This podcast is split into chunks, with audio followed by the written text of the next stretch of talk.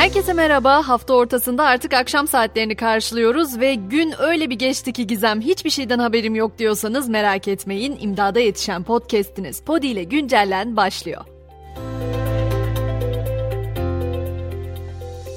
Seçime artık günler kaldı ve Yüksek Seçim Kurulu'ndan da bugün önemli bir karar açıklandı. YSK, İçişleri Bakanlığı'nın seçim sandıklarında görevli polis ve jandarmadan alınacak sonuçların dosya halinde Güvenlik ve Acil Durumlar Koordinasyon Merkezi Başkanlığı sayfasına kaydedilmesi kararını yasakladı. Kararda seçim tutanaklarını kabul etme görevi Yüksek Seçim Kurulu'nundur denildi.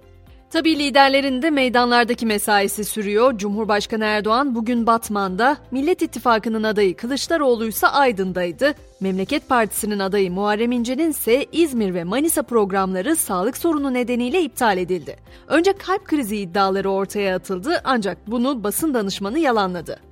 İstanbul Büyükşehir Belediye Başkanı İmamoğlu ise Erzurum'da taşlı saldırıda yaralanan vatandaşlarla bir araya geldi. İmamoğlu durumları iyi, gönül bağımızı hiç kimse koparamaz dedi. Bu arada İmamoğlu'nun Erzurum mitingindeki olaylarla ilgili gözaltına alınan 9 şüpheliden 8'i adli kontrol şartıyla serbest bırakıldı. Bir kişi ise hala aranıyor.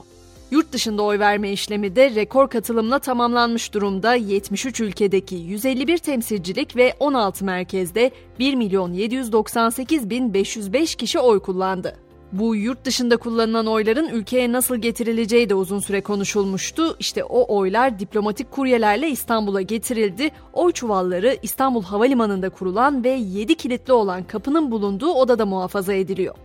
Hemen seçim günü yasaklarının da belli olduğunu söyleyeyim. Sabah 6 ile gece 24 saatleri arasında alkollü içki satışı yasak olacak. Kahvehane, kıraathane, internet kafe gibi tüm umumi eğlence yerleri de kapalı kalacak. Peki bugün açıklanan işsizlik verileri bize neler söyledi? İşsizlik oranı Mart'ta bir önceki aya göre değişmeyerek %10'da kaldı. İşsiz sayısı 4 bin kişi artarak 3 milyon 508 bin oldu. Genç işsizlik oranı da %20.1'e çıktı. Bu arada bir de detay aktarmak isterim. Ölçümler deprem nedeniyle Adıyaman, Hatay, Kahramanmaraş ve Osmaniye illerinde yapılamadı. Hemen bir gün sonunda piyasaların durumuna da göz atalım. Dolar 19.54, Euro 21.42 liradan el değiştiriyor. Gram altın 1277, çeyrek altın 2089 liradan satılıyor. Ekonomiden söz etmişken CNBC kanalını bilenleriniz mutlaka vardır. İşte o kanal Türkiye'ye geri dönüyor. Küresel finans piyasalarında yaşanan gelişmeleri kapsamlı rapor ve özel röportajlarla iletecek kanal, yerel bakış açısını küresele taşıdığı gibi küresel olayların yerel piyasaları nasıl etkilediğini de aktaracak. Yavaş yavaş dünyadaki yolculuğumuza da başlayalım. İlk durağımız Amerika olacak. Eski ABD Başkanı Trump, yazar Carroll'a tecavüz ve hakaretle suçlandığı davada cinsel istismar, darp ve hakaretten sorumlu bulundu. Trump, Carroll'a 5 milyon dolar tazminat ödeyecek. Eski başkan utanç verici olarak nitelediği kararın tüm zamanların en büyük cadı avının devamı olduğunu söyledi. Avrupa'ya geçtiğimizde ise Fransa'yı uzun süredir grevlerle anıyorduk ama Fransa'nın Ensi kentinde kargalar yoldan geçenlere saldırmaya başladı. Kargaların gagasından nasibini alan birçok kişi başından yaralanırken birçok yaya yolu geçişlere kapatıldı, bazı yollara da yerel polis konuşlandırıldı.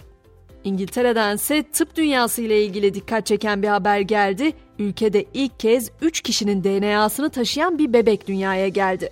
Bebeğin DNA'sının çoğu anne babaya, yaklaşık %0,1'i ise donör bir kadına ait. Tüp bebek teknolojisinde çığır açan bu teknik, bebeklere anneden ölümle sonuçlanabilecek mitokondriyel hastalıkların geçmesini engellemek için geliştirilmişti.